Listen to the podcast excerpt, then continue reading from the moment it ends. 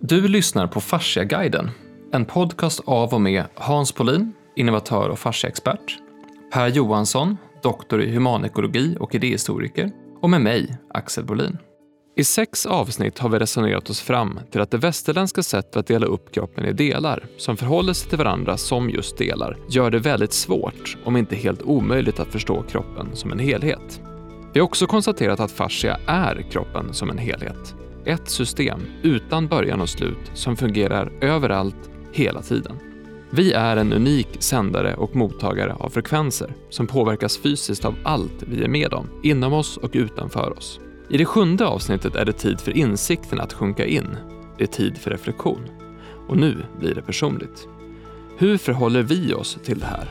Alltså Hans, Per, Axel och du som lyssnare. Vad innebär det här för oss som människor? I de första fem avsnitten av den här podcasten, då förde vi någon form av resonemang. Eller vi började med att titta på hur vi egentligen ser på vår kropp och vad för tankar vi har om kroppen och varför det är så, och vilka problem det kan leda till att se på kroppen på det sättet. Och sen i avsnitt två så gick vi in på hur det kunde bli så här. Vi pratade om framväxten av den vetenskapliga metoden och vårt sätt att dela upp saker, det reduktionistiska tänkandet. Eh, men sen i avsnitt tre och fyra så pratar vi om att det har kommit väldigt mycket ny forskning bara de senaste tio åren. Forskning som yrkar på att det finns andra premisser som är viktiga. Man måste se, på saker globalt istället för regionalt i kroppen. Man kan inte titta på ett knä, man måste titta på att knät sitter ihop med, med höften eller med nacken. Eller, man kan inte titta på en process, man måste titta på flera processer ihop. Och i slutet av det avsnittet sa vi att vi skulle börja lägga ett, ett pussel för att se om vi kan hitta en ny vinkel på hur man kan förstå kroppen. Så i det här pusslet så hade vi fascia först och främst, då, som jag hade pratat om mycket, som eh, en mottagare av tryck. Vi använder Julian Bakers definition, load and unload of pressure, att det här är någon som tar emot och fördelar tryck. Och tryck kan vara allt vi utsätter kroppen för. Det kan vara stress, det kan vara motion, det kan vara kost, det kan vara luftföroreningar, medicinering, allt möjligt. Eh, och sen pratade vi om vatten. För vatten har man inte forskat så mycket på, man har inte tittat så mycket på det. Men vatten är väldigt speciellt, har många speciella egenskaper. Bland annat så eh, har vi pratat om forskning på att vatten har ett minne. Att vatten är eh, unikt, varje snöflinga som faller är unik. Och vatten kan påverkas av ganska mycket, både information och energi. Vi pratade även om ljus och magnetfält. Och någonstans landade vi i att det mesta handlar om frekvenser. Och frekvenser är då en vågrörelse med en viss typ av svängning per tidsenhet eh, som i eh, ett medium som till exempel kroppen gör ifrån sig ett ljud så att allting i kroppen låter. Vi kopplade det till intuition och att det kanske är därför man kan känna vissa saker som är svåra att förklara. Eh, och att DNA är en kristall som eh, faktiskt är en mottagare av frekvenser, för kristaller används som mottagare av frekvenser i eh, till exempel radioutrustning. Eh, och att säga att kroppen är en mottagare och sändare av en unik mottagare och sändare av frekvenser som påverkas av i princip allting den utsätts för. Det är ju en lite annan kroppssyn. Eller vad säger du Per?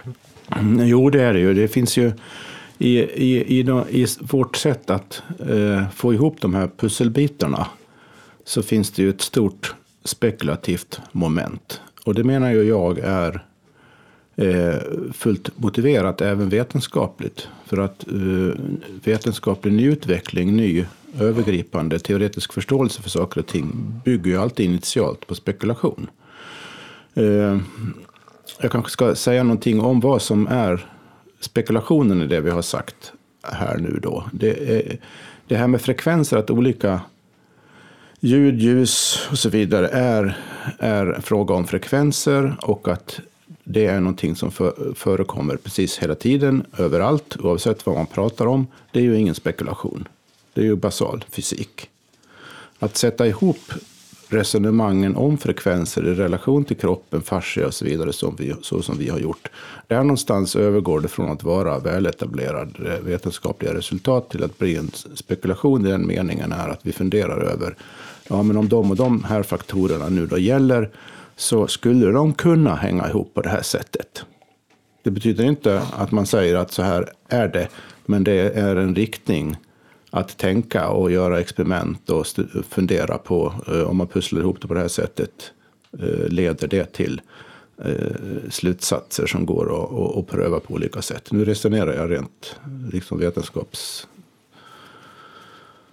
teoretiskt skulle man kunna säga hur, hur, hur vetenskap i princip fungerar. För att det finns ju många olika moment i faktisk forskning, i synnerhet i, i frontlinjen som det är frågan om här. Där man å ena sidan har vissa väldigt fasta baser för saker och ting. Inte minst de grundläggande, om man kallar det för det, fysiska teorierna. De ändrar man liksom inte utan vidare.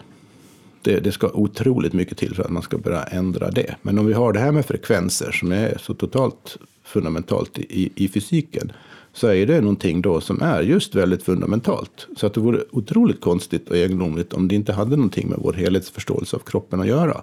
Så det är en väldigt välgrundad, eller det är en väldigt stark grund för spekulation.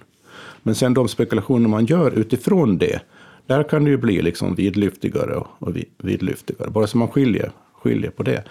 Apropå DNA som kristall så är ju det på sätt och vis en, en, eh, en extrem förenkling och eh, på ett sätt spekulativt överdrift.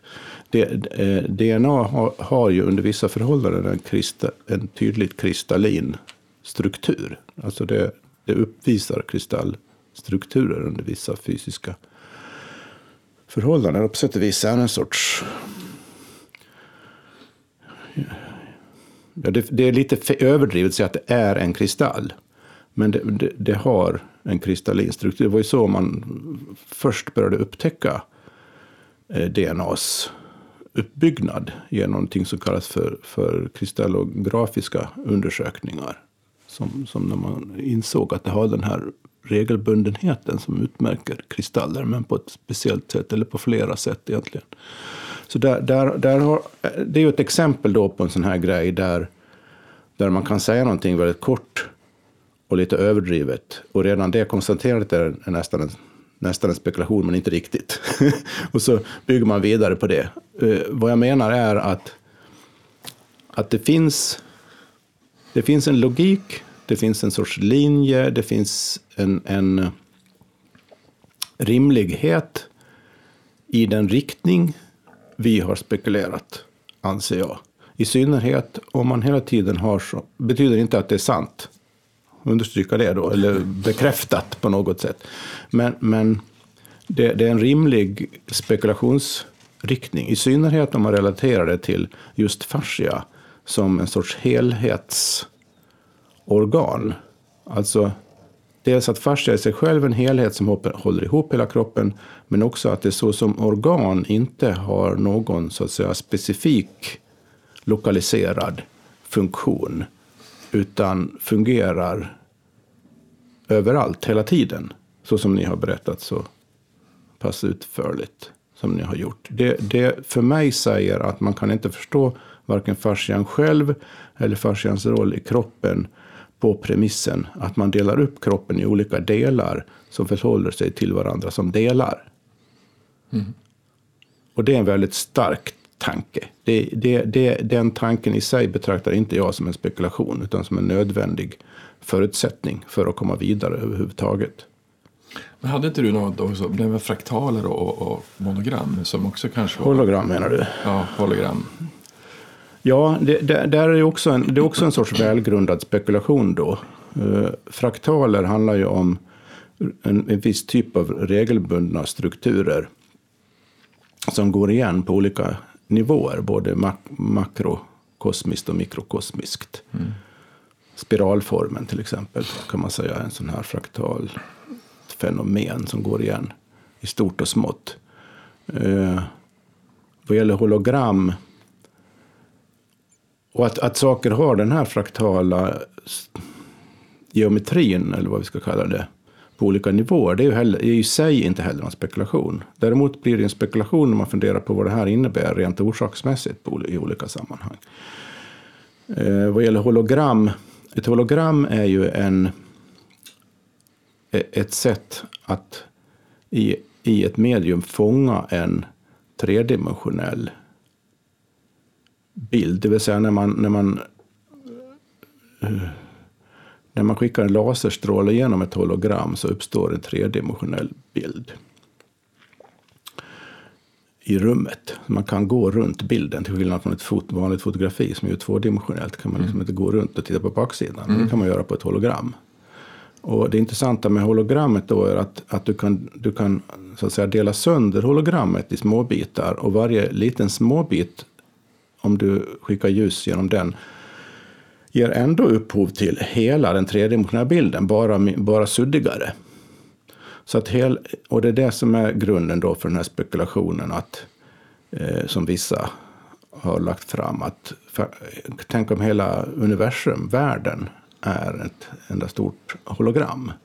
Och då kan man gå vidare och tänka sig att, att som en del har gjort, att det kanske, vi kanske lever i någon sorts holografisk simulering snarare än, en, än i en konkret fysisk verklighet. Och det, det, här illustrerar ganska bra de spekulativa stegen. Då. Du har hologrammet vars egenskaper är kända och vem som helst kan liksom kolla om man har rätt utrustning. Och, och, och det, det, är ingen spekulation. Men eh, det är ett ganska stort spekulativt steg att gå till tanken då att världen är ett hologram. Då blir det mera som en sinnebild egentligen. Mm. Snarare än någonting som nödvändigtvis måste vara så och så vidare. Så att eh, med hela det här resonemanget innebär att man ska vara uppmärksam på eh, när så, de olika spekulativa stegen, hur pass välgrundade spekulationen är, men att spekulation är bra och helt nödvändigt. för att det är så man kommer på nya, nya saker. Det gäller bara inte att förväxla eh, spekulationen med att veta någonting. Mm. Men där, för innan vi går vidare, för att vi, i, idag, i dagens samhälle så känns det som att det är bara det som är vetenskapligt bevisat som är, har tillstånd att vara sant. Eller så fort det inte är ja. grundat i forskning så kan, måste man säga nej till det. Men nu, det har vi, den tesen har vi någonstans försökt slå hål på under de här avsnitten. Men, ja, men, men... Där måste jag få säga en sak då kort. För att den, den uppfattningen i sig bygger på en felaktig uppfattning om vetenskap. Vet, vet, vetenskap så som det fungerar på riktigt så att säga har ingenting med att bevisa att saker är sanna att göra. Utan det har, det har, det, det har att göra med att man... Experiment består ju eller vad säger jag, vetenskap, naturvetenskap nu då framförallt som paradigmet för vetenskap här. Naturvetenskap brukar man säga har två ingredienser. Det ena är teori och det andra är empiri. Och empirin kan vara observationer, det kan vara experiment, och så vidare. Och teorin är då den logiska eh, beskrivningen av hur de olika observationerna kan tänkas hålla, hänga ihop. Så om du gör en massa eh, observationer av till exempel fallande föremål så kommer du fram till, så som Galilei gjorde, la, eh, accelerationslagen och sådant. Och, och accelerationslagen då kan formuleras matematiskt. Och det är då inte matematiken i sig som är teorin, utan matematiken är ett koncist sätt att formulera en viss teori, det vill säga en viss, en viss serie påståenden om, om regelbundenheter i naturen. Så teorin handlar alltid om att fånga de här regelbundenheterna. Det, som, det betyder att det går att upprepa. Teoretiska slutsatser ska kunna testas experimentellt. Då. Och stämmer då inte inte experimenten med slutsatsen från teorin, ja, då måste det vara något fel på teorin. Va? Det är liksom grundantagandet. Det betyder att vetenskapen, det som är vetenskapens innehåll består av hittills testade teoretiska påståenden som, in, som har visat sig hålla så pass långt, så att säga. Och det är de allra starkaste teorierna som har den karaktären. Då. De har testats så många gånger så att de liksom har inte kunnat motbevisas. Det gäller till exempel kvantmekanik och sånt. Mm.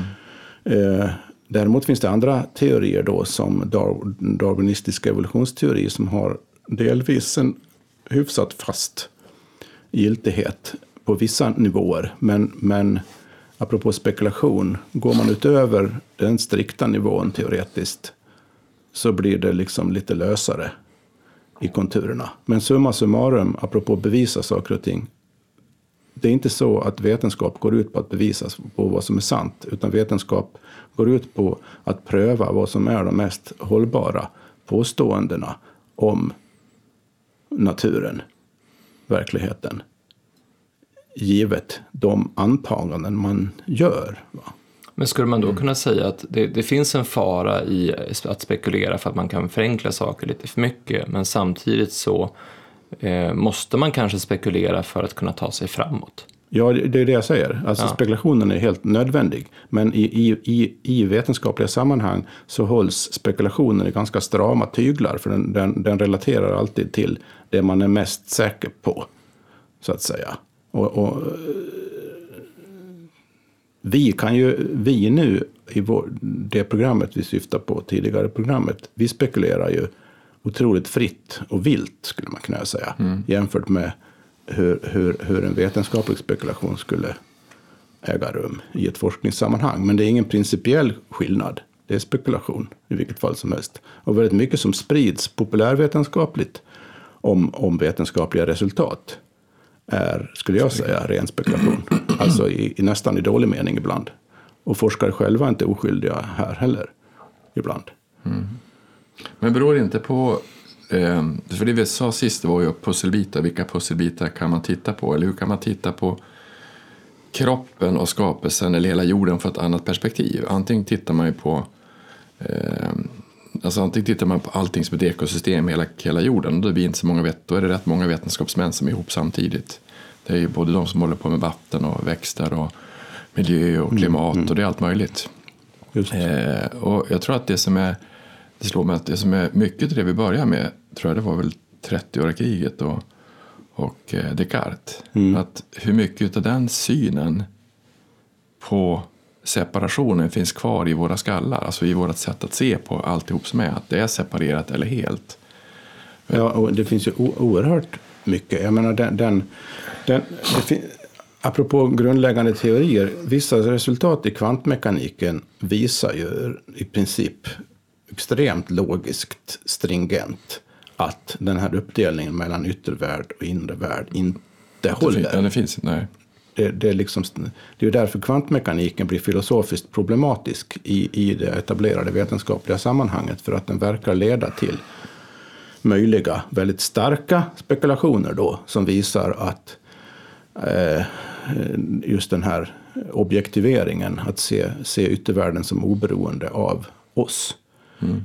inte riktigt håller måttet. Men är det därför den inte har fått den uppmärksamhet som, som andra stora genombrott har fått? Alltså den, den, har inte fått, den har fått uppmärksamhet i man säger att den finns och bekräftas, men den lärs ju inte ut i skolan och det är inte så att man har kvantfysiska diskussioner eller eh, alltså den, om vi återgår till avsnitt 6 som handlar om motståndet så att då säger att det finns egentligen ett filosofiskt motstånd mot en sån idé.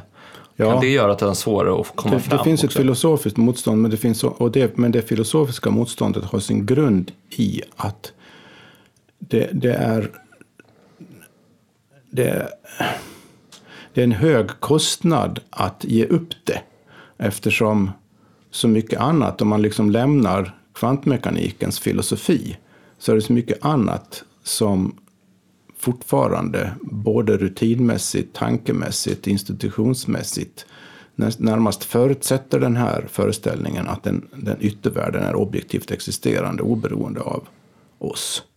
Och det, det, det, finns ju i princip två läger, för att förenkla lite grann. Två läger när det gäller bland de som är insatta i kvantmekanikens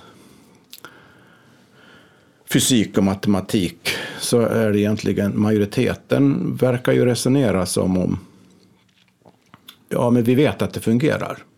Matematiken fungerar. Mm. Alla, alla påståenden vi får ut av kvantmekaniken vet vi stämmer rent empiriskt. Vi använder det bara. Vi fattar inte hur det kan vara så, mm. men vi använder det för att det stämmer alltid.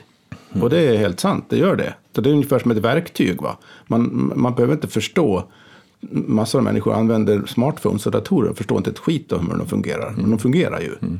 Och, de, just, de, just smartphones som fungerar ju delvis på kvantmekaniska principer. Mm. Liksom, grejen.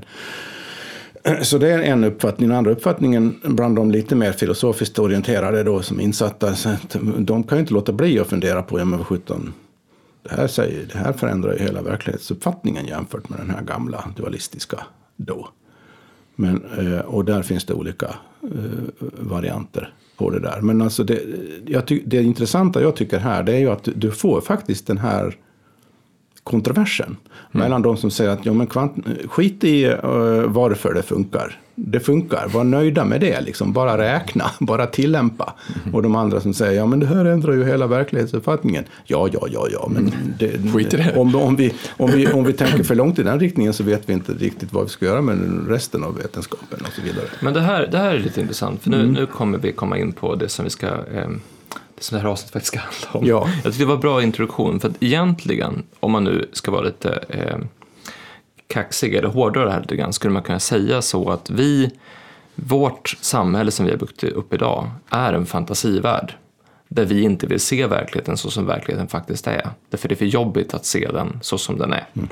För att vi, vi, har, vi accepterar inte dem det vi vet är sant accepterar vi inte för det blir för filosofiskt jobbigt eller för vi måste tänka om eller kostnaden att tänka om blir för hög. Eh, det är det vi säger är, så vi håller på att försvara en sanning som egentligen inte är sann. Det är ganska intressant Ja. att vi väljer att göra det. Eh, om vi då ska, då har vi, nu har vi sagt det, då har vi pratat om eh, giltigheten i det vi har pratat om hittills och kommit fram till att ja, men det finns en spekulativ spekulation där men det finns ändå ett syfte till att göra vi behöver en ny kroppssyn. Eh, då tänkte jag vi skulle spekulera lite mera. För eh, Hans, du ringde mig i förrgår och sa att eh, det här med det här som Per sa om att eh, det här vi, vi pratar om att, att kroppen är det här kärlet, den här mottagaren och sändaren av frekvenser, där det är mycket vatten, vatten påverkas av olika saker. Eh, per gjorde en liknelse om att, att tankar är information och vatten påverkas information och känslor är energi och energi påverkar vatten. Och, eh, Jag fick- en annan bild nu när Per hade pratat som var ännu mer eh, intressant. Som jag vi kan ta den också. Men det som du pratar om hologram, när man tittar på allting som helhet och allting speglas av varandra. Det som egentligen jag fick fram när du pratade om det här är egentligen att det hologram som vi tittar i, i, i specialistvetenskap det blir nästan speglar som reflekterar ut istället. Istället för att du ser helheten så ser du då far det åt andra håll. För när jag har suttit och let, letat de här vetenskapliga uppsatserna som finns och då blir det, det blir hur rörigt som helst. För du sitter som och tittar in i någonting men du får ingen bild av något hologram utan du, får, du blir reflekterad iväg någon annanstans till något annat någon annan specialistgren som finns och så sen så, och så, sen så, så du, det är jättejobbigt att sitta där för det blir ingen helhet. Eh, så jag tror att mycket av det här egentligen handlar om eh, vad får man för bilder när man pratar om det här? Får man bilder av separation och uppdelning eller får man bild av hur ska jag förklara om helhet? För det vi för, försökte förklara förra gången var ju, hur skulle man kunna beskriva kroppen som helhet? Det som du sa förra gången som var eh, eh om, om eh, information och eh, energi. Att information det är tankar och energi det är känslor. Eh, och då fick jag som, det är ju otroligt konstig bild, men eh, när, när kroppen, när, när, alltså får man för mycket tanke på slag då kommer till slut kroppen att reagera någonting. Antingen så blir du sjuk eller så blir det något annat, så blir du förbannad. Någonting händer. Om det är för mycket, lagrar för mycket saker kommer kroppen att rensa på något sätt. Och, eller försöken gör det i alla fall. Och i, i så fall skulle då eh, energin skulle vara mer utav intuition och du sa att tankar skulle vara mer utav något som man bygger upp som är som inte är lite utanför systemet. Och då tycker jag att det där egentligen, det skulle se ut som ett vädersystem. Att man, jorden har ju byggt upp moln och bygger upp energi ut i, i alltså som, man, som svävar runt sig. Men är det för mycket då blir det regn och så blir det blixtar och så blir det ny omslag och så sen så hela kroppen, hela jorden sig själv. Eh, och då skulle det vara mer som ett vädersystem, våra, våra frekvenser som är. ja, så att då i den här analogin så är kroppen jorden. Ja, För vi pratar ju om att jorden har ett magnetfält som är eh, en puls som är på 7,83 och kroppen har en hertz då, och kroppen har ett magnetfält och en puls som är på 7,83. Så i den här liknelsen menar du att man skulle kunna se människan som jorden och eh, ens känsloliv som atmosfären och tankarna som molnen. Men blir det för mycket moln då behöver man något som laddar ur. En blixt eller någonting som kopplar ihop igen med, med kärnan, med jorden, med, med, med sin egen Ja, och därför, därför säger man i alltså, gamla sådana eh, visdomssagor, så bär inte på, bär inte för mycket, bär inte för mycket bördor och ladda inte för mycket tryck och alltså energi som finns. Ha inte för konstiga känslor åt dig själv. Så att, om du tar i kristendomen ska man ju, det gör man väl i, i islam också, så ber man om förlåtelse sex gånger per dag. Och i kristendomen säger man att be så ska du få. Och förlåt så ska förlåtelse komma. Eh, och det är ett sätt att, att släppa tryck. Alltså bär det för mycket Bär det för mycket skuld och för mycket elände och för mycket saker och ting så är det klart att det kommer påverka kroppen. Men den, den där kan jag eh, relatera till själv på ett personligt plan. Därför att om man har mycket bördor som man bär på. Alltså jag måste göra det här, jag måste ställa upp för dem, jag måste lyckas med det här, jag måste prestera på det här sättet. Och det är så mycket på jobbet nu. Alltså den här bördan som är en, både en stress och en prestation kan ju väldigt snabbt bli eh, fysisk, att det här tynger ner en. Att man börjar liksom, och jag har ju behandlat både, eh, jag har faktiskt behandlat folk också, eh, och det är väldigt många som är väldigt stela i nacke och eh, eh, övre bröstrygg. Och där sätter sig, alltså det, de som är det är oftast eh, tjurskalliga. Man säger tjurskallig, man säger också tjurnacke. För att man, liksom, man, man biter ihop och kör. Och ju mer man biter ihop och kör och ju mer man samlar på sig av de här typen av saker så blir eh, belastningen på kroppen större och det blir, det blir som en ond spiral. Och det kanske är precis som du säger, att man, man laddar på för mycket av de här just tankarna kring allt som måste vara och att man måste släppa av den här bördan. För när man då har släppt bördan, när man har sagt att men nu, nu släpper jag den här bördan, nu, nu, nu lägger jag över det här till en större makt eller nu tar jag bort den här, då, då kan man slappna av på ett annat sätt. Ja, och, det, och det står alltså, alltså synda, är synda, att missa målet i tankar, ord och gärningar, det står ju någonstans i Bibeln att man ska göra. Och det är ju, finns det säkert i en massa andra religioner också, samma sak. Men jag undrar om vi har förstått det, vad det innebär att, att höra nyheter. Om vi säger så att du får inte tänka på en skär elefant. Det finns ju inte, finns ju inte i tanken, utan allting kommer ju. Det spelar ingen roll vad jag säger för någonting så kommer det hända. Och hur mycket matas vi med, med att, att Eh, med tankar som inte är roliga, alltså som inte är roliga att, att få. Alltså, vi, jag såg på Aktuellt igår, det var någon som dog där hit och dit fram och tillbaka. Det, det är inget roligt att se på. Så när det var krisen 95, då ringde jag till A-ekonomi, för det finns ju en sån här eh, nationalekonomisk eh, teori som säger att eh, om, om, bland annat om inflation, har du ett, ett högt inflationsmål så kommer att inflationen att bli så, nu är det inte så länge, men att det blir som en självuppfyllande profetia. Och efter kraschen 91, nu Dax var nästan inte född då, men kraschen 91 som var, då var det ju eländes elände varenda dag på nyheterna i Sverige. Varenda. Till slut ringde jag till A-ekonomins Maria Lång och sa att vet du en sak, ni måste sluta, ni måste, ni måste hitta någonting som är positivt. För man, man, man blir deprimerad. Alltså, för det är inte så att jag behöver ju inte må dåligt för att det där är dåligt. Nej. Jag har ju ingenting med det där att göra. Jag hade en aktiekurs när jag var lärare i, i 2008 eh, och så skulle de få lära sig att köpa och sälja aktier och vad aktier var för någonting, värdepapper och, och sådär. Så de fick, de fick en fiktiv miljon och så sen så fick de så att köp det ni tycker om. Och så bestäm, var inte för yviga för det blir för rörigt. Kolla vad bolaget gör, lär sig vad de säger för någonting, vad är affärsidé, vad är, vad är budget, vad gör de för någonting. Och alla tyckte det var jätteroligt och de köpte. Och så sen så efter en månad så, så att nu bestämmer ni vilken strategi har ni när det smäller. Nej, det går alltid upp, det smäller alltid så. Och så sen så en vecka senare så small ju. Och de bara, är du cynisk eller vad är det för Hur kunde du veta att det small? Och de var ju efter, efter tre veckors kurs, de var ju helt deprimerade. Så jag fick ju, jag fick ju släcka lyset i, fick släcka lyset i klassrummet. Eh, och så sen så sa nu tar vi andas lugnt. Visst har ni mat? Ja. Är det något som har hänt? Ja, men jag har förlorat 250. Ja, det är fiktiva pengar. alltså de var totalt nere, nerkörda. Men så förstår ni, det här är ingenting som har hänt. Och så tog jag, var vi, och så var vi träffade någon sån här eh, aktieanalytiker på SE-banken som höll på med något. De var ju totalt, och det är alltid kris. Var helt, men de där hittar ju ett nytt sätt att göra det på. Så alla de, den som gjorde bäst ifrån sig, den gruppen, tjänar 25 procent på börsnedgång. Därför de hittar någonting som var positivt i det också. För det går ju att tjäna pengar på negativt också. Så det är klart att vi blir berörda av det som är utanför. Och, och, och säger man då att allting är frekvenser så att vi har tankar som, som kan skapa tryck. Eh, då blir det ganska väsentligt att se vilka tankar tänker du om dig själv. Vilka tankar gör du? Vilka tankar tar du emot?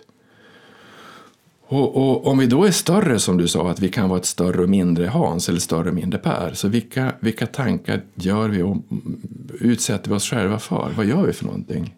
Eh, och vad bär vi med oss? jag tror att eh, jag har ju sett någon, sån här, någon dokumentär om Dan Gandhi, försökte läsa hans biografi. Den slutar väl 40, dagar. Han har ju skrivit 90 böcker, Karlkroppen. Och de mesta böcker han skriver, hur kan man gå i motstånd utan att bli arg? Alltså hur kan man göra någonting utan, utan att bli, alltså få ett, en, en, en laddning i sig?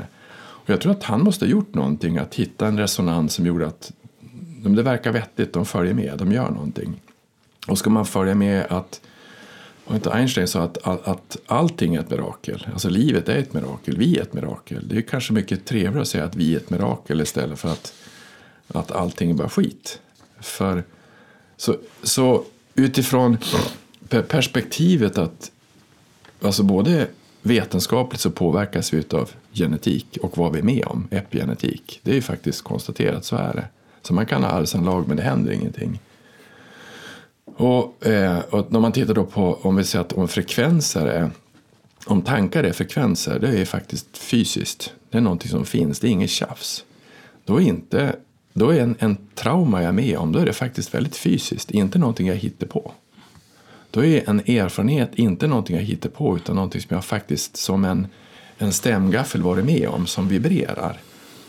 Eh, och det där, jag, jag, det, var en, en, det finns olika sätt att göra för att tömma den här... Eh, om man säger att om då kroppen är som en, en, en instrumentlåda med en massa olika strängar. Alltså om vi säger att fascian är egentligen en, ett, en fraktal struktur som har bindningar i en massa olika saker. Allting sitter ihop i fascian. Det finns ju vissa saker som är starkare, ben och eh, senor och sådana saker. Men allting har ju en, en, en, en, en eh, dynamisk och flexibel struktur. Alltså, kolla, alltså, jag kan inte gå ner i spagat, men en del kan ju det. Den är jättevig, så de måste ju ha enorm elasticitet. Och ju mer elasticitet man har, ju lättare har man förmodligen att hålla sig frisk. Och då, då, då finns det olika sätt som man gör för att om man då laddar någonting för länge så finns det en kvinna som gjorde en sak som heter eh, hon, hon, gjorde, hon, hon heter Byron Katie, hon gjorde en grej som heter man blir de tankar man använder, som man, man, man borrar in sig i. Så om, man är, om det är någonting som är riktigt negativt, alltså en negativ laddning som finns i kroppen, så att, då börjar det alltid med att jag är inte det jag skulle vara, eller jag borde ha gjort det. Borde är jätteintressant. Därför att borde, det brukar jag säga, jag hade en kompis med han var, han var, han var eh, skitbegåvad och hade massa saker för sig. Men han hade också någonting som man, när man var ute och partade när man var liten, när man var yngre, så kunde man göra, göra vissa saker som inte var bra. Då kom man på att man kunde gå, då fanns det på P-automater så fanns det i Umeå så kunde man som gå stoppa in en knapp och sen så när man fyllde i pengar då, sen fanns det en ångerknapp. så, så han gick dit och efter han var ute och så stoppade in fem spänn så ångrade han. Och vi kan ju inte riktigt göra det utan det, som, det finns ju inget, jag borde inte ha gjort det. Utan alla upplevelser som vi är med om, de gör vi ju. De är vi med om. Men hon säger så att om det är någonting som är väldigt negativt, som jag sa till min pappa så här, det blev kanske lite onödigt, kan jag ta det i alla fall, att hans bästa kompis dog i cancer. Och då sa jag till, och han var jätteledsen, ja, han borde ha fått leva längre. Men är det sant det, sa jag. Är du säker på att den tanken är sann? Det är väl klart den är sann, sa han. Det är klart att han inte ska ha dött. Ja, men han dog ju. Alltså, han dog ju. Och är du säker på att den tanken är sann, att han skulle fått leva längre? Ja, absolut säker. Men, och den gick inte, men alltså, det, den tanken är ju inte sann. Den är ju en negativ tanke som bråkar egentligen med verkligheten. Så att han dog ju. Så vi säger att om han dog då, eh, vem skulle det vara utan den tanken? Det blir mycket lättare då att leva om man inte går bär på en massa saker som är sorg. Om man dessutom tar någon som man har känt så är det så att de som har känt, de lever i en själv. Så att i mitt hologram, så fort jag tänker på min, min morfar så finns han i mig. Så fort jag tänker på någon jag var med om så finns du i mig. Och just den här separationen mellan tankar och den inre världen som vi egentligen kan spela upp och som vi inte är medvetna om att vänta, om vi är med om börskrasch nu, då blir hela min inre värld krasch. Varför ser man inte på det? Och det är ju faktiskt någonting som är väldigt reellt. Eh, och därför blir om tankar är frekvenser som du sa och intuition är ljusets hastighet, alltså som det kommer skitfort. Då är det ju egentligen, i, i, då är det egentligen att vi ska försöka att vara mer i den, den, den känslan som är rätt. Och jag tror att i sådana här stora katastrofer som har varit, som har varit, alltså som är så, de flesta har nog ganska bra när de, när de känner efter. Är det, är det rätt eller fel? Är det rätt eller fel? Så känner de förmodligen att det är fel om det är någonting som är väldigt negativt och konstigt. För det är ingenting som... Nu, alltså negativt är bra, alltså det är bra med positivt och negativt, men när vi är kvar i det som är negativt, det kan aldrig vara bra. Man måste ju släppa och gå vidare. Du sa en väldigt sann sak eh, inledningsvis. Att man ska vara uppmärksam på bil vilka bilder som kommer upp när man försöker förstå eller göra sig en helhetsbild av, av någon, någonting. Det tror jag är otroligt väsentligt, apropå det jag sa om spekulation tidigare.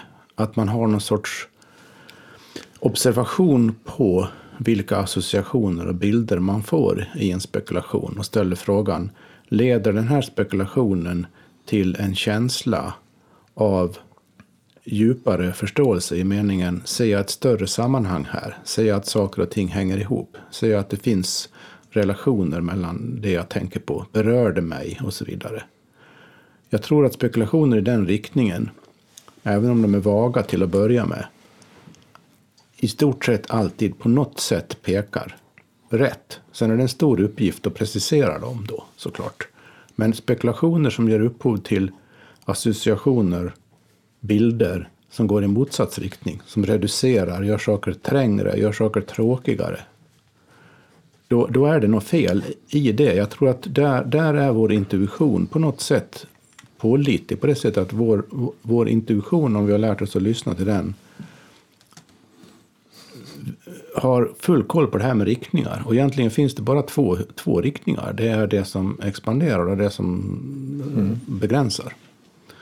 Och båda är nödvändiga för att saker och ting ska kunna existera. Allting existerar i en sorts spänningsfält mellan det som expanderar och det som begränsar.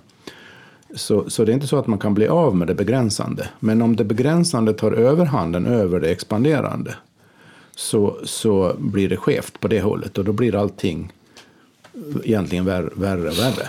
Då får du en ond spiral. Men om, om, om det expanderande överväger tillräckligt i relation till det begränsande, då får du en god spiral. Och jag tror det är det förhållandet vi så att säga lever i. Det gäller, så, så det gäller att det är en sorts balans mellan de här två faktorerna. Men balans, det blir väldigt olika i våra liv och i världen beroende på vilken, vilken sida som överväger. Och det krävs ganska lite för att den ena eller den andra sidan ska överväga för att det ska få stora konsekvenser.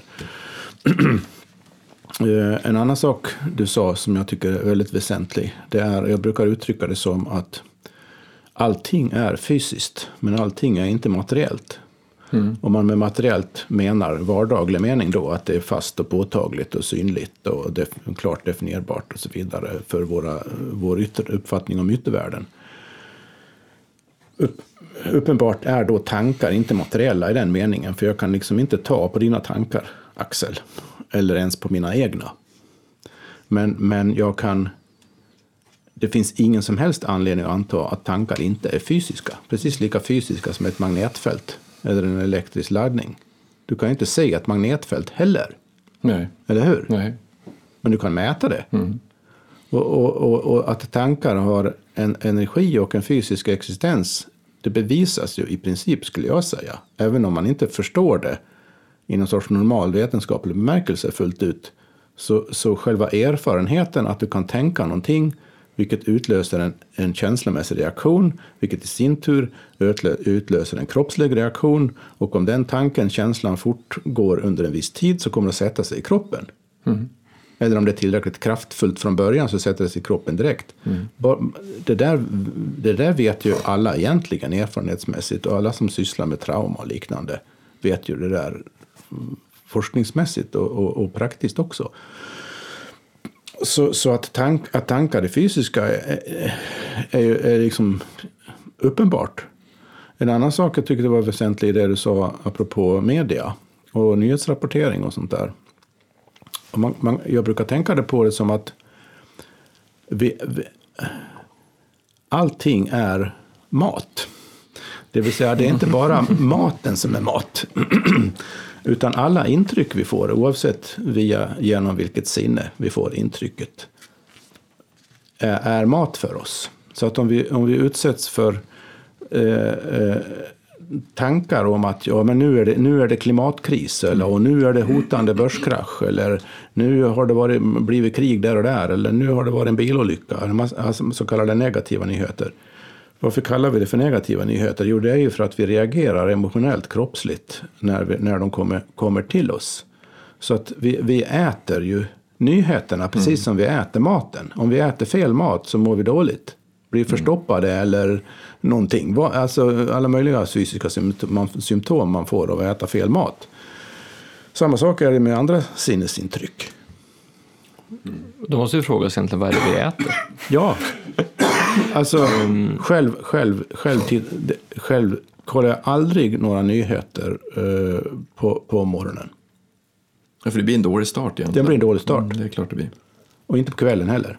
Ja, det blir en dålig start för och, och, och, och, en dålig start på natten. Så ja, det är exakt. Mm. Mm. Och, ofta kollar jag överhuvudtaget inte nyheter. Det kan gå ibland det, det här vågar man knappt säga offentligt som en sorts mm. public intellectual som ja. har blivit. Vågar knappt säga offentligt men det kan gå veckor utan att kolla några nyheter överhuvudtaget. Mm. För att jag vill inte ha den sortens input. Mm. Men det är intressant för då, det för mig in på en annan eh, sak. För du pratade om det här med att Gandhi har tittat på hur kan man göra motstånd utan ilska.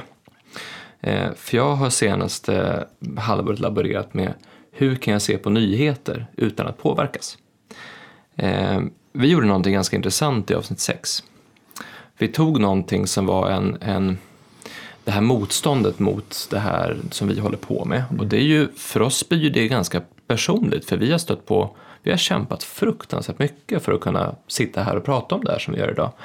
Eh, men när jag lyssnade på det avsnittet häromdagen så insåg jag att vi, vi lyfter fram det här, men vi gör det på ett sätt så att vi inte går till attack. Alltså vi gjorde det på ett väldigt alltså, vänligt mm. förstående sätt. Och då var det nästan starkare den här, eh, vi visade nästan starkare att det fanns någonting lite lömskt under ytan bakom hela det här paradigmet som finns. Och vi gjorde det genom att inte gå dit och vara arga, inte gå dit och vara upprörda eller mm. förbannade. Så att det finns en, det finns en styrka i att titta på saker från ett, eh, Alltså om, om, du, om det, var som, det sa ju faktiskt både Gandhi och Martin Luther King att, att låt dem slå dig.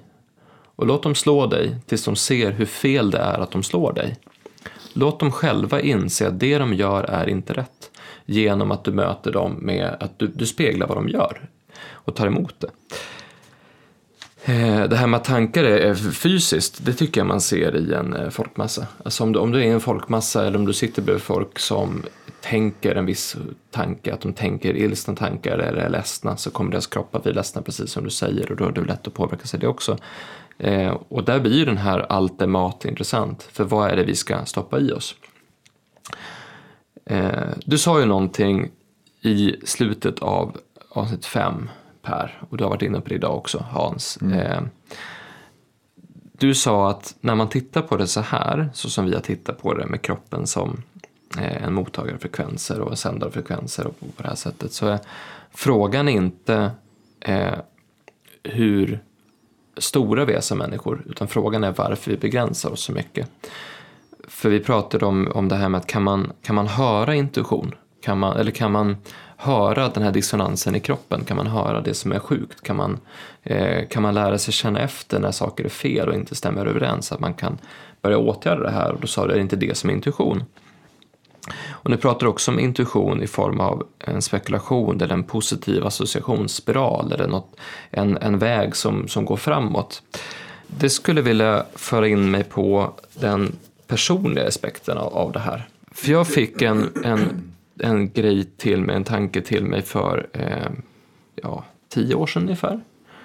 Eh, och det är, det här kan låta lite fel men jag säger det i alla fall. Eh, allting handlar om mig, egentligen.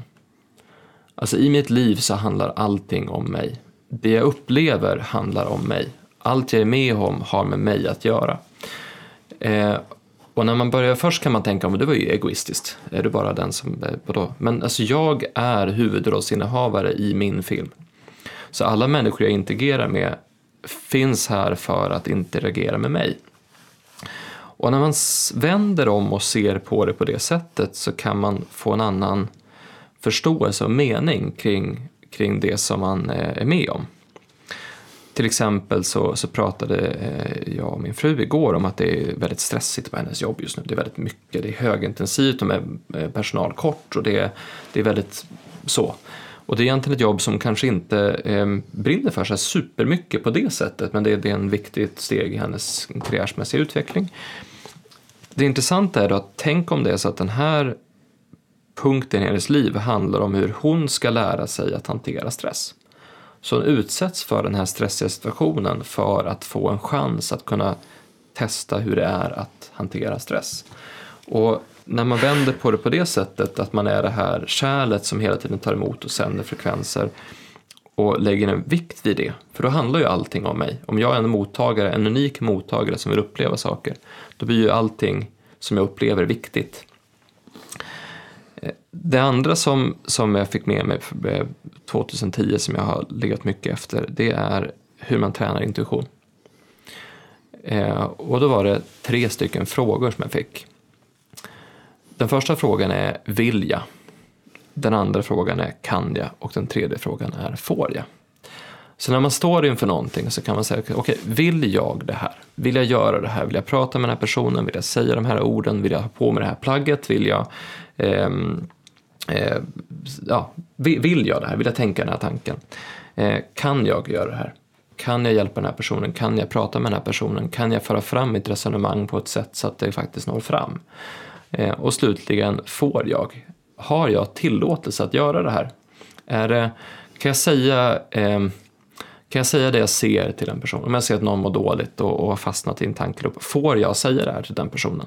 Eh, och då får man ett intuitivt, det är en ja och nej-frågor. För ja och nej är en ganska tydlig, eh, det kan man ha en tydlig känsla för. Ja eller nej. Om du, om du säger ja eller nej, då kan du ganska fort få en ja eller nej. Det kan man träna upp, för det är enkelt. Men eh, vad är meningen med livet? Den kanske är svårare att få en sån här intuitiv sånt svar på.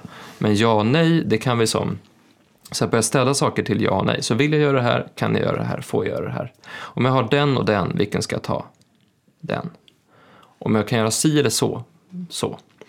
Eh, och det, det, är intressant för när vi, när vi pratar om, jag lyssnade på en, en, ett avsnitt igår som handlar om sagor och man kan, man kan förstå sagor på ett annat sätt.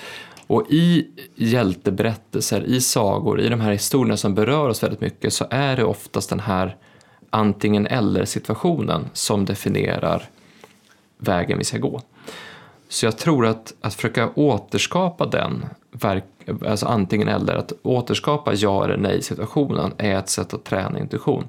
För ja och nej, det kan du, då, då stänger du av tanken. Då behöver inte du tänka så mycket och resonera kring. För ja och nej är det antingen ja eller nej. Känn efter vilket är rätt. Och sen eh, med intuition så är det ju så att det är inte, det är inte så att det, det tar en, en månad att träna upp. Utan jag har hållit på i tio år nu och försökt träna upp intuitionen. Det jag har märkt är att ju mer man börjar lita på intuitionen, ju mer man vågar ta beslut baserat på den känslan, inte ens känslor utan den känslan, desto bättre blir besluten. Desto mindre, eh, desto mindre skadar man andra runt omkring sig, desto, desto mer kan man hjälpa folk runt omkring sig och desto bättre blir det för en själv, desto tryggare blir man. Och framförallt är det så skönt att inte behöva tänka igenom saker utan man bara agerar mycket, mycket snabbare. Mm. Och eh, apropå den här hjärthjärnan som du pratade om i avsnitt fem också. Mm. Så jag tror att om vi börjar använda intuition och tränar upp det så kan vi, jag tror vi kan hitta, eh, vi kan börja se saker på ett helt annat sätt. Och det är väl någonstans det vi försöker komma till i den här mm. diskussionen som vi har. Det är också innebörden, det är också innebörden i, i det jag sa innan om, om den här eh, expanderande riktningen, den, den begränsande riktningen. Det är ju, det är ju, det är ju, de, är ju all, de är ju i erfarenhetsmässigt och i valsituationer ja, ja, ja och nej. Ja eller nej. Så, så att intuition relaterar ju till det, det du sa nyss, när, när man ställs inför en, en, en, en, en, någon, ett beslut, ja eller nej, och känner efter, så, så känner man av i större eller mindre utsträckning, det vill säga med större eller mindre betydelse för en själv. Huruvida det här är någonting som expanderar mig eller någonting som begränsar mig. Någonting som ökar kärleken, ökar glädjen, får mig att känna mig upplyft. Eller är det någonting som begränsa mig, få livet att kännas tråkigare, mörkare på något sätt. Det, det, på något sätt är det, är det, är det ja, intuitionens ja och nej-fråga. Det som intuitionen relaterar till är, är just de dimensionerna. Expanderar det eller begränsar det? Och där, om man lyckas lyssna på hur man verkligen reagerar på de alternativ man står inför så är jag säker på att man kommer att märka att det ena går i den begränsande riktningen, det andra går i den expanderande mm. riktningen. Jag tror det som egentligen, det du sa med, med det med allt handlar om mig, det är ju ganska, om du tar älska min nästa så som en själv, som man säger, det är ju ganska ödmjukt. Det är ödmjukt åt två håll, älska din nästa som dig själv. Men sen har vi det andra som är egot. Som, vi, vi har ju så svårt att tycka om oss själva, för att då är vi egocentriska eller egoistiska. Och det måste ju bero på att man har fått en bild av att, att man har fått andra som är kanske patriarkaliskt sätt att styra och domdera och göra saker och ting. För det är inte att älska sig själv, att vara egoistisk. Det är att älska din nästa så som dig själv. Men varför blir man alltid, varför, de svär, varför många svårt att älska sig själv? För det är det som egentligen är problemet. Det är inte, det, det, det, det är dualistisk men den är ju inte, den är inte hierarkisk, den är ju väldigt den är ju väldigt mjuk, den typen av utav, eh, ut, uttalande. Det som jag egentligen funderar mer på, som du sa med mig, som jag är tillbaka på det här med, som du sa att intuition är snabbt. Och, in, och, och, om det är snabbt, om det är snabbt som ljuset så, ljuset går, i ljusets hastighet så finns det ingen tid. Så förmodligen kan vi göra kvantsprång i tanken, alltså intuitivt, så, så här fort går det. Att se att man ska bli, jag vill ha det där, jag vill som vi sa till 2015 så vi vill bli experter på fascia. Fascia tror vi är jättebra. Det verkar skitbra att göra det. Och det är fem år sedan. Mm. Och det är, det, det är som när man har en önskan att göra någonting så kommer det. Men det kommer inte komma el pronto på en gång utan det kommer den tid det kommer. Och om du tittar på hur mycket som vi varit på två världskonferenser. Eh. Eller så kommer det när du är redo för det. Ja, när, för det kanske när, är så att vi i tanken är fast i någonting och måste komma ifrån först innan ja, vi ska men då, få det. Men det som jag menar, tanken är, det som tanken är, den är ju egentligen om att se mer på, på tankar är långsamt, intuition är snabbt. Tankar är du vet, det är föreläsningar och det är böcker och man ska läsa och, och det är mycket information och det är hit och dit och fram och tillbaka. Och jag inte så om, du, om du säger att om, om jag ska hålla ett tal, ett tal på fem minuter och det ska vara bra, då får jag förbereda mig i två dagar. Om det ska vara fem minuter bra. Alltså ska du spela in en film, då är det jobbigt. Ska du drulla på i tre timmar och prata om allt möjligt, då spelar det ingen roll. Då kan du ta av det som kommer. Men, men så, så tankar är Alltså tankar är, de är, inte, de är som moln, de är inte riktigt förankrade i jorden. De är lite ute och åker. Och, och det där molnet som vi har byggt upp så mycket som är så starkt, att vi tror på molnet istället för att tro på jorden, alltså det som är jordat. Det är lite märkligt att vi gör det. För det blir ett... Det, blir, eh...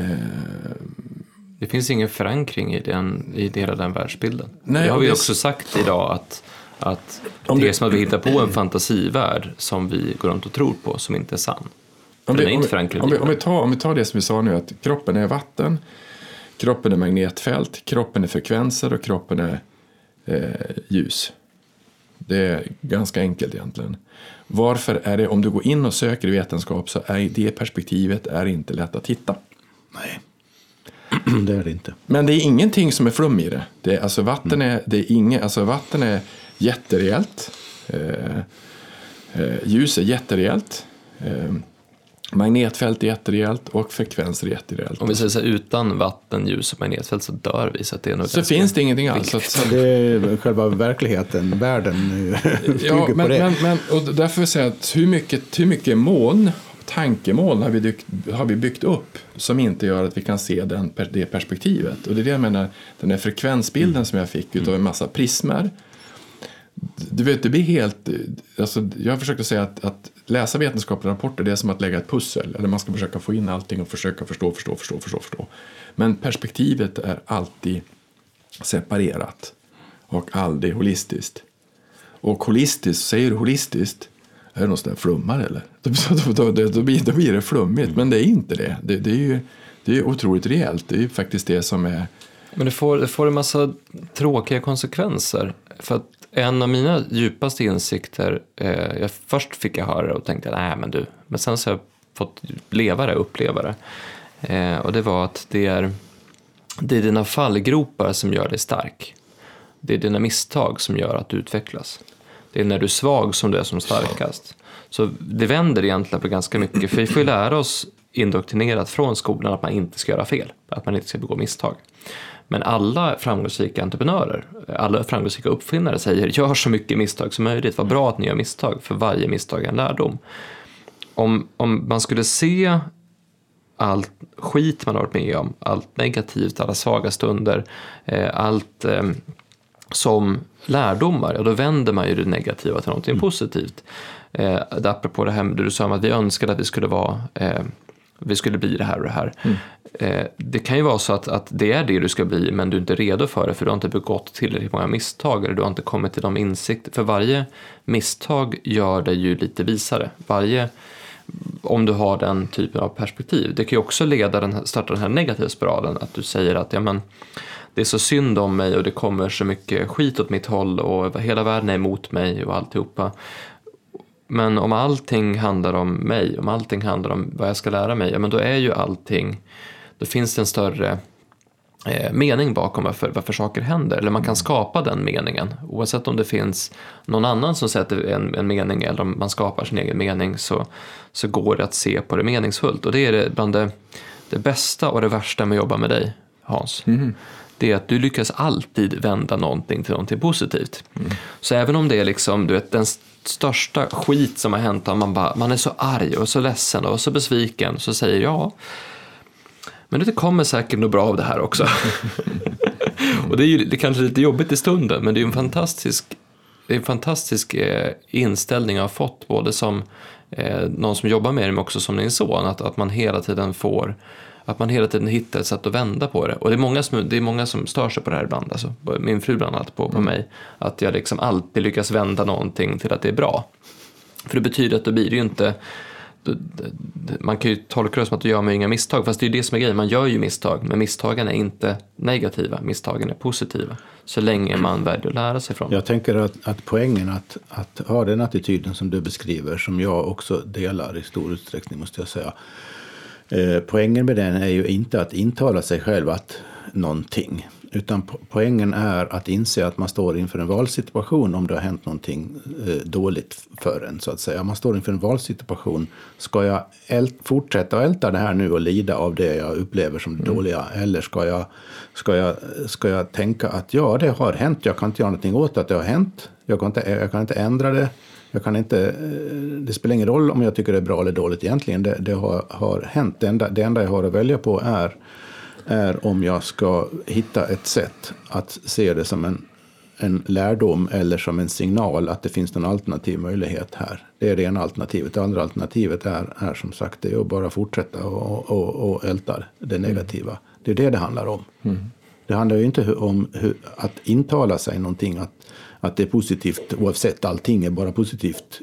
Det är inte det det handlar om. Och, och, det, är, ju- det är ju egentligen bara spegelbilden av att fastna i det negativa. Man kan ju fastna i det positiva på det sättet också. Så att ha, ha, ha den här har den här positiva attityden som du beskrev Axel. Eh, det är ju just det att inse att man, att man befinner sig i en valsituation, hur man, hur man ska hantera det. Ja, och jag tror att det är mycket, man, man befinner sig i en konstant förändring. Så att du kan ju vara, du kan ju vara odelat positiv i någonting och så går det åt skogen därför att man, det kommer en ny teknik eller kommer något annat som man inte kan göra. Så att allt det här med att vi, eh, eh, f- förstoppas för, alltså stanna av är ju någonting som inte är livet. Utan livet är ju förändring, konstant förändring. Så jag trodde alla tyckte om förändringar, men det är inte så att alla gör det. Utan de flesta tycker inte om förändringar. Men, men förändringar är det vi är. Vi är ju Ja, grejen är ju att det spelar ingen roll om du tycker om eller Nej, inte tycker det. om förändringar. För du, förändring, det du, är du, kom, du kommer att bli förändrad. Du kan titta i spegeln så kommer man se att man blir äldre och äldre. Så att förändring är det vi är. Ja, men det var också för det, det eh, jag tyckte det var intressant för det, Erik och Per lanserar en ny serie nu som handlar om sagor. Ja. Och då tar de sagor på allvar. Jag tycker det är så kul det här med att man tar sagor på allvar, man tar myter på allvar, man tar eh, gamla sätt att tänka på på allvar. För det, det öppnar upp för nya tankar. Eh, och det var en kritik som finns mot sagors giltighet och relevans i våra liv är att ja, men det är så lätt. Det blir så lätt att det är gott mot ont. Men eh, då så sa du att ja, men, det är ju så att man, när man står inför situationer så, så är det egentligen ganska lätt mellan det som är rätt och det som inte är rätt, det som känns rätt och inte känns rätt. Men däremot är oftast det som känns rätt. Det kan vara väldigt jobbigt. Och därför blir det inte lätt att välja det som är rätt, därför det känns jobbigt. Och det är samma sak där du tar förändring. Att, eller om du har råkat ut för något hemskt och så ska du vända det till någonting positivt. Det är inte så jävla kul. Nej, det är ju Alltså inte jag har ju varit, jag har varit mobbad i två år. Det var bland det bästa som har hänt mig. För jag har ju fått en helt annan eh, förståelse för hur det är att känna sig svag eller utanför eller liten eller nedtryckt. Vilket gör att jag kan relatera till människor som har känt sig nedtryckta. Men alltså att, hade du kommit till mig och sagt så här, ja men vänd det här till något positivt. Jag har sagt dra härifrån. Alltså det, Ja, det är det är ju klart. skitjobbigt att Ja. göra det. det är, ibland är det skitjobbigt att behandla att behandla någon väl eller att, att eh, om du har ett, ett, ett bråk med någon du tycker om och så sen så ska du vara den större människan och eh, förlåta det här eller gå vidare från det här eller, eller be om ursäkt. Det är ju jättejobbigt. Men det är ju rätt oftast att man gör det. Eller att man, man inte väljer ilskan utan väljer kärleken, och förståelsen eller förlåtelsen istället. Det, det ju, du får ju mycket bättre relationer av det. Men det är jobbigt att hela tiden, det är jobbigt att vara den större människan också. Och därför blir det, jag tror att det är jag tror att det svåra med livet är att det är så fruktansvärt enkelt. Ja, exakt. Du, för du, du, funkar måste, bara, eller alltså, du, du, har, du har jag och dig, du kan göra det som känns rätt, det som är sant, det som är tryggt, det som går, i- går i Ja, eller linje du med din det andra? kompass eller det andra. Men det är, så enkelt är det, men det är svårt att följa sin kompass. För där är det ju någonting som vi var inne på lite tidigare, och som, för jag har ju lyssnat väldigt mycket på, på eh, myter och mysterier och människomaskinen och, och, och börjat fördjupa mig i gamla idétraditioner. Och så har jag läst Bibeln och sådär också. Och det som är intressant med nästan alla gamla idétraditioner är att det oftast handlar om någon form av kompass. Du har någon form av riktning, du har någon form av, av smal väg som du ska gå. Och när du avviker från den så blir det mindre bra. Och synd är ju då att avvika från den här vägen. Synd är att missa sitt mål, sin kompassriktning. Och det finns ju väldigt många idétraditioner. Och jag tror att det helt enkelt är så att när du då missar den här kompassriktningen, ja då får du en smäll. Alltså då gör du ett misstag, då får du ont, då händer någonting. Och den smällens, syftet med den smällen är att du ska upp på vägen igen. Så det är ett annat sätt att förstå sjukdom. Varför blev jag sjuk? Ja, men du kanske måste börja fundera på någonting. Varför, varför mår jag dåligt? Ja, men du kanske, det är kanske är något i ditt liv som du ska ändra. Du kanske ska byta riktning. Eh, varför fick jag eh, eh, den här, alltså varför fick jag cancer? Ja, du kanske ska fundera på hur du tänker eller de som är runt omkring dig eller, eller hur din, ditt kärl mår, ditt, ditt fascia kärl. Eh, Men det är ju lite tufft i situationen med någon som har fått till exempel cancer att säga det till den personen då. Men tänk om det är så. Tänk om det är så enkelt och så svårt att det handlar om den här kompassriktningen som vi ska följa, den sanna intuitionen. Det blir också ett annat sätt att se på kroppen.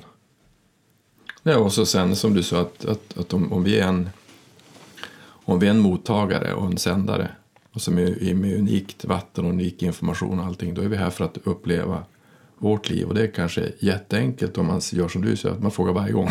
Man gör ju inte det. Man kör ju iväg i alla fall. Och, Ja, men grejen är ju att det, det är intellektuellt enkelt.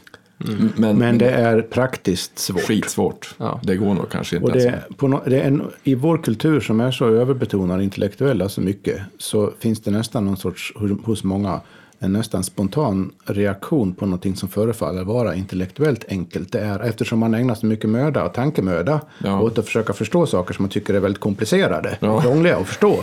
så så när, när man då uppfattar någonting som intellektuellt enkelt så tänker man, det måste vara något fel, det kan inte vara så enkelt. Nej, Nej, exakt. för att allting är ju så krångligt. Ja, egentligen. exakt. Ja, exakt, exakt. Ja, men, men, men eh, det där är ju en sorts vanföreställning. För, Mm. för att eh, väldigt mycket av det väsentliga livet är intellektuellt enkelt. Men det är extremt krävande, praktiskt, Mm. känslomässigt och så vidare. Som du just sa, Axel. Och det där, det där har vi av någon anledning som vi inte ska gräva i nu. För att det är någon, det är någon gåta i det där faktiskt. Vi har någon anledning har vi svårt att Nej, Alltså, vi kan, jag, tror att, jag tror att vi kan fastna i, i spår som gör att vi blir intellektuellt låsta.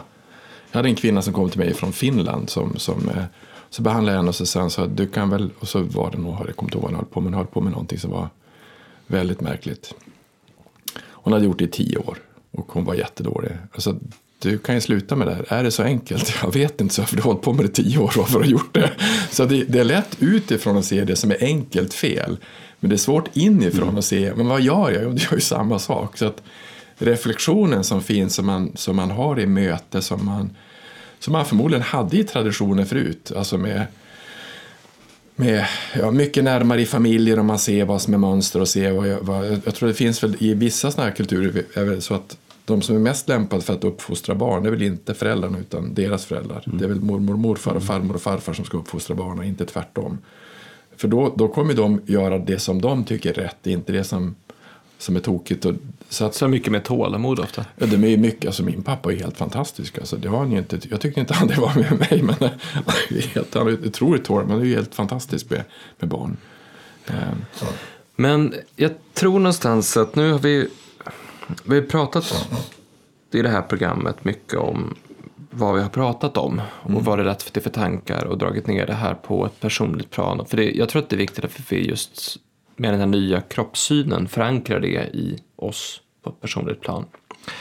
Men om allting nu är eh, en helhet, om vi jobbar med det här helhetstänkande så måste vi också ta den här kroppsförståelsen och lyfta upp det på ett samhälleligt plan och titta på de globala skenen som finns och hur det påverkar oss och vår kropp.